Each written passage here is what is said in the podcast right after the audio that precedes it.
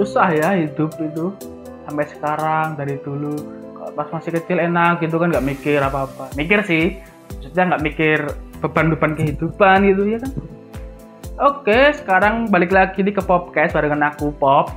Nah, kali ini aku mau cerita nih tentang suatu keluh kesah aku nih ya kan. Itu muak dengan kehidupan ya. Pasti kalian juga ngerasa kalau aduh, kehidupan ini kayak apa sih itu kan kayak ah males ah kehidupan ini gitu kan pengen mati aja ya. Jangan jangan jangan perlu diri juga. Nah karena kehidupan itu harus kita jalani dengan sepenuh hati. Udah oke jadi ini ada cerita-cerita nih kalau aku ya kan. Jadi kehidupan itu emang kayak apa ya kayak malesin gitu kan. Kayak ada yang nggak nggak adil kayak atau mungkin banyak cobaan kayak atau mungkin susah banget ya gitu. Nah dimulai dari ini aja dari kita sekolah deh ya kan Nah oke, okay. kita masuk sekolah gitu. Kenapa sih kita harus sekolah selama kurang lebih 6 tambah 3 tambah 3 sekitar 12 tahun kayak gitu? Kenapa sih SD, SMP, SMA gitu? Ya, ya mau nggak mau. Kalau nggak gitu kita nggak bisa kerja atau kuliah ya kan? Nah, jadi emang aku itu paling males sama sistem sekolah yang ada di Indonesia nih ya. Sistem sekolahnya itu tentang nilai, nilai, nilai dan nilai. Bahkan nggak ada kayak kejujuran atau mungkin uh, lebih ke attitude-nya gitu atau mungkin lebih ke prestasi yang lain atau soft skill yang lain yang dia punya gitu. Semuanya tentang nilai. Oke. Jadi kayak mata mata pelajaran nih, mata pelajaran apa-apa apa-apa gitu. Nilainya kalau bagus ya dia itu anak yang pintar. Nah, tapi kalau nilainya jelek ya dia bodoh gitu sistemnya. Dan juga emang aneh gitu. Kayak semua harus dipelajarin ya, contohnya misalnya matematika IPA IPS itu kan nggak apa-apa oke itu wajib ya kan itu kan pengetahuan umum juga. Nah kayak mat, uh, mata pelajaran yang lain gitu loh yang kayak nggak ya maksudnya ini bukan menjelek-jelekan ya. Uh, lebih ke uh, gimana ya? Uh, yaudah kita, uh, mending daripada per spesifiknya langsung aja ke semuanya secara general nih. Nah siswa itu dituntut untuk bisa menguasai semua mata pelajaran. Ya semuanya harus bagus sih semua pelajaran sekitar ada 11 sampai 14 mata pelajaran ya enggak nah uh, aku singkat mapel aja ya kan Nah, sedangkan guru itu bisa sekitar satu pelajaran aja yang dia kuasai ya itu ya itu. Bahkan kalau nggak satu ya dua tiga lah sekitar itulah. Nah, tapi siswa ini loh, siswa ini itu seru semuanya itu kan. Itu merasa tertekan pasti kan. Kalau SD gampang lah, oke gampang. SMP udah mulai meningkat tiba-tiba kemudian SMA ya kan. Waduh, yang kita dimasukkan uh, ke IPA atau IPS gitu ini beda dengan SMK ya kalau SMK emang udah dijurusin ke situ ya pasti pasti udah itu yang dibahas tapi kalau SMA nih ya nah itu semuanya harus dipelajari nih oke okay? misal di IPA itu IPA itu nggak cuma IPA pelajarannya bahkan pelajaran IPS pun masuk ke IPA ya kan misal contohnya nih IPA IPA itu ada fisika biologi kimia tiba-tiba ada pelajaran ekonomi geografi sosiologi sama sejarah itu kan pelajaran IPS kenapa masuk ke IPA ayo aneh kan nah sedangkan di IPS itu malah nggak ada pelajaran IPA IPS cuma sosiologi, terus habis itu ekonomi, yang kayak tadi sejarah sama uh, geografi. Dah itu nggak ada bakalan nggak bakalan ada IPA, nggak bakalan ada uh, matematika yang peminatan, ya kan? Pokoknya yang ada hubungan dengan IPA itu nggak ada di IPS. Tapi yang ada di IPS itu malah masuk ke IPA. IPA itu kayak mempelajari semua kan aneh gitu kan makanya orang-orang IPS itu biasanya itu leha-leha santai-santai gitu kan. Nah sedangkan yang IPA itu tertekan gitu kan. Ini gimana sistem sekolahnya bikin nyusahin gitu. Ah dan juga nih ya sistem kejujuran di sekolah itu diminimalisir. Kayaknya nih kayak dipandang ya bukan dipandang sih kayak ditutup gitu aja dari para para guru kayak gitu. Karena banyak nih siswa yang mencontek atau mungkin uh, lebih ke bertanya temen pas ujian ya Nah, terus atau mungkin kayak uh, kunci jawaban, joki atau gimana. Nah, itu tuh kayak gak ada yang gak ada guru atau mungkin pengawas yang uh, peduli gitu. Misal nih nyontek cuma diingetin aja, ayo nyontek, ayo nyontek, ayo gini gini gini gini. Nah, habis itu kalau nilainya jelek juga yang disalahin muridnya. Nah, waktu itu contek gak boleh gitu kan. Memang gak boleh, tapi kalau nilainya jelek disalahin juga. Padahal dia udah jujur. Tapi yang yang di ini yang di lem atau mungkin dipuji itu yang nilainya bagus doang. Dan juga mereka itu belum tentu jujur juga. Bahkan ada yang kayak joki itu ini bukan uh, bukan menyalahkan ya tapi kayak oknum gitu. Kalau kesahku aja gitu. Nah sistem di Indonesia kayak gini. Uh, ya mau nggak mau sih. Gimana ya orang-orangnya kayak gini gitu kan. Aduh aduh kejujuran emang nggak nggak di ya ini sistemnya pendidikan. Namanya pendidikan itu mendidik bukan pencari nilai. Mencari nilai itu nanti gitu kan. Itu cuma angka gitu loh tapi diprioritasin. Sedangkan attitude kemudian. Bagian ini diri sendiri kayak kepribadian atau mungkin kecurangan kejujuran kayak gitu. Itu kayak dipandang sebelah mata aja bahkan ditutup gitu kan. Aduh sistem di Indonesia kayak gitu. Sekolahnya. Oke tentang sekolah nih ya. Kemudian kalau kita dapat nilai rapot nih ya nilai rapot turun gitu. Dan nilainya aduh misal nih misal nilainya bagus-bagus. Dari orang tua wah belajar yang rajin lagi ya ya ya kan. Aja udah gitu doang. Kalau nilai jelek? Wah diuring habis-habisan. Bahkan dibandingin sama tetangga gitu. Jadi kayak aduh kok matematikamu empat sih ya? Lihat di anaknya bu siapa gitu kan nah, dapatnya 80 apa gimana? Uh, terus habis itu kayak uh, kamu juara berapa sih uh, masuk 10 besar nih peringkat 10 kok 10 sih? Ini lo anaknya siapa itu? Itu dapat peringkat 2 peringkat 1 kamu kok 10 itu kan. Aduh ini anakmu udah berusaha sekuat yang dia bisa berusaha semampu yang dia bisa. Aduh aduh. Dan kalau dapat peringkat satu pun?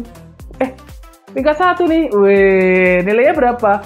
Oh kok cuma segini nih? Lihat tuh yang anaknya ini ini nih sama-sama peringkat satu tapi nilainya lebih tinggi. Bandingin lagi ya kan? Aduh. Kemudian kalau nggak gitu oh peringkat satu ya tapi di sekolah swasta atau mungkin di sekolah yang kurang ini gitu kan. Misal contohnya maksudnya nggak semua swasta jelek tapi emang uh, misal contohnya aja gitu ini perumpamaan. Ya bukan swasta lah kita anggap aja sekolah yang di bawah kayak gitu. Ya, terus dibandingin lagi ya kan kurang apa gitu. Kemudian ada sistem yaitu les nih. Ya kan. Tadi tetangga tetangga yang dibanding bandingin sama tetangga. Bahkan tetangga pun ada yang bacotin kita gitu kan. Dibacotin ah apa nih anakmu? Tapi jarang sih. Yang sering itu orang tua kita sendiri ya kan yang bandingin. Kemudian ada sistem les nih. Nah les les itu ibaratnya kayak bimbingan belajar ya. tapi bagi kita les itu seperti pelajaran tambahan. Jadi kayak sekolah yang ditambah jam pelajarannya. Kayak gimana ya? Ya oke okay, gini bimbingan belajar. Itu kan kita dibimbing nih buat belajar gimana caranya gitu kan. Gini gini gini gini. Tapi rata-rata rata-rata nih ya bukan semuanya. Rata-rata les-les di Indonesia itu ya kayak nambah pelajaran aja kayak gitu. Bahkan pelajaran tadi itu harusnya diulang bukan ditambah ya kan? Harusnya kayak gitu. Ya emang sistem les itu sebenarnya nggak buruk juga. Cuman ya kayak menguras waktu atau gimana gitu. Maksudnya kayak ya kita sebagai siswa nih ya ya kan itu ya butuh refreshing gitu. Sekolah pulang jam 2 kemudian tambah les sampai jam 5 kemudian nanti malam harus ada PR belajar. Itu belum dimarah-marahin terus habis itu pekerjaan rumah atau gimana. Besoknya harus bangun pagi lagi diulang lagi sampai enam hari sampai Sabtu. Ya kan? Nah kemudian minggunya minggunya waktu istirahat nih itu mah disuruh bersih bersih rumah gitu. Pokoknya suruh kerja kerja gitu ya itu aduh susah sih ya. Ya tapi emang mau nggak mau sih ini emang harus dijalani mau nggak mau ini aku yang agak keluh kesah aja. Kayak sistemnya kayak gini kenapa ini gitu kan.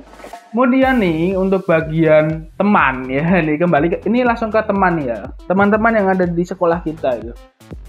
Oke kalau temannya itu enak. Enak diajak ngobrol enak diajak diskusi enak diajak uh, kerja kelompok gitu. Atau mungkin belajar bareng tapi ini nih teman yang toksik ya kan? Toksik atau mungkin teman yang beban ya itu yang susah. Oke ini kita sekolah nih ya. Temen temen kita ini itu toksik ya kan? Kayak bacot bacotin apa? Ya kalau dia pinter ya kan? Nggak apa-apa oke. Uh, pinter tapi jarang nih bacotin. Karena aduh kamu nilainya jelek hahaha. Oke ini jarang. Karena orang pinter itu bisa mikir soalnya. Tapi ini yang toksik ah jelek ngapain sih belajar Uh, nanti nggak ngapa-ngapain dapat nilai jelek juga. Uh, aku aja nggak belajar dapat nilai jelek juga biarin kayak gitu. Karena aku nggak belajar. Eh di uh, mengedonkan mental kita mengedonkan semangat kita gitu teman-teman toksik atau mungkin yang kayak malakin ya kan malakin uang jajan. Eh uh, kamu ada berapa? Minta lima ribu dong. Kayak preman kelas aja gitu kan. Tapi untung sekolah nggak ada sih gitu. Aku sih yang belain. Eh nggak nggak nggak nggak canda canda kemudian teman toksik yang lain tipenya ada yang lain nih kayak misal mengejekin terus ya contohnya nih diejekin apa uh, sepatunya jelek gitu kan atau mungkin apa pakai bindur di sekolah atau mungkin apa dianterin atau gimana gitu aduh ya banyak banget lah teman toksik yang kayak mengedonkan mental kayak menyakiti hati gitu kan jelek gitu kan Nah, kalau temen yang baik-baik kan nggak mungkin kayak gitu. Atau mungkin sering ngajakin gelut ya kan teman toksik toksik toksik gitu.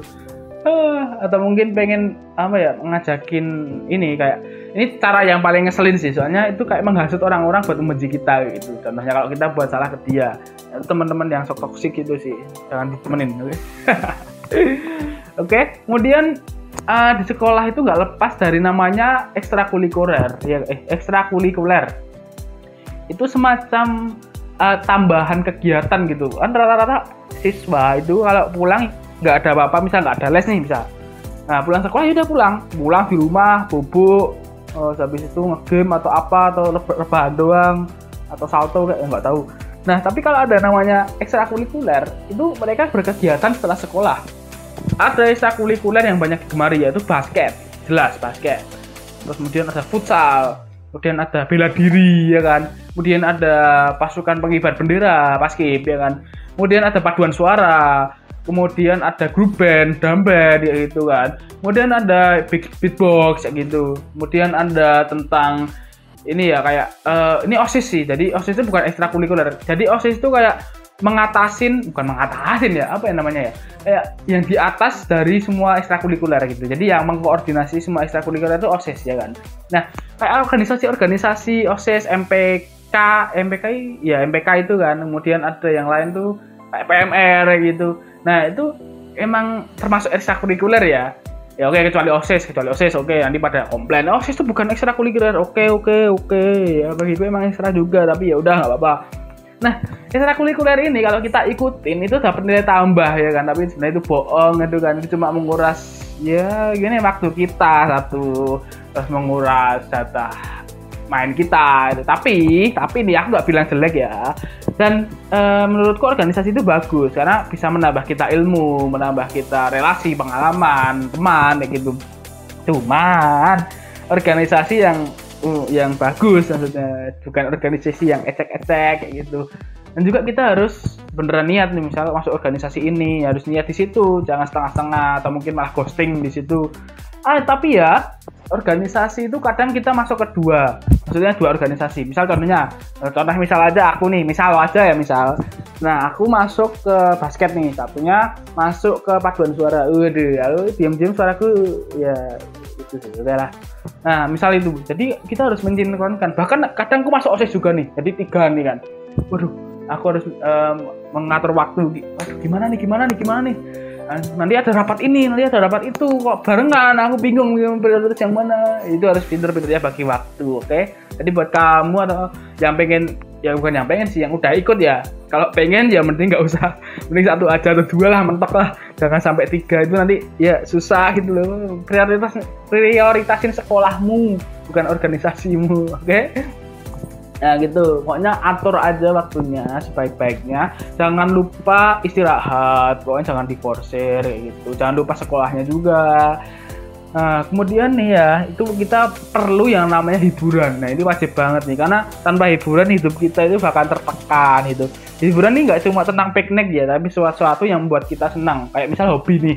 Nah, misal contohnya hobi aku itu main game ini, Kak.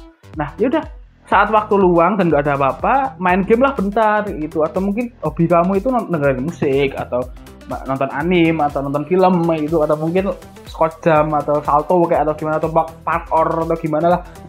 Terserah terserah hobi kalian gimana lakuin aja. Jadi itu buat refreshing merefresh kita. Nah, jadi tanpa hiburan ya itu tadi emang kalian bakal tertekan itu duh tadi ada empat osis gitu kan udah rapat habis itu ada PR kemudian ada kerja kelompok kemudian ada tugas akhir tiba-tiba. Aduh aduh pusing pusing. Itu harus nggak ada sempat buat main game sekitar bentar aja nggak apa-apa gitu. Pasti kalian takut kan kalau udah sekali main game ketagihan sampai berjam-jam gitu kan maksudnya kan. Ya itu emang ya gimana ya? Emang seru sih ya kalau bisa gitu.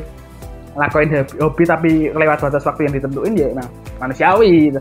tapi ya bisa mungkin diatur lah setidaknya itu intinya buat merefresh otak kita biar nggak sepaneng lagi. Gitu dengan hal itu bisa membuat kita jadi lebih produktif dan juga sekolah kita nggak cecer mata pelajaran yang masuk kita nyantol gitu. Oke jadi ini tadi emang keluh kesah yang uh, ya waktu kehidupan ini ya kan banyak banget dramanya itu kan malesin gitu Oke, sampai ketemu di uh, podcast-podcast selanjutnya yang pastinya menarik banget. Mungkin aku bakal datengin narasumber dari teman-temanku yang lain gitu. Oke, cukup sekian. Jangan lupa dengerin podcastku yang lain ya. Oke, see you.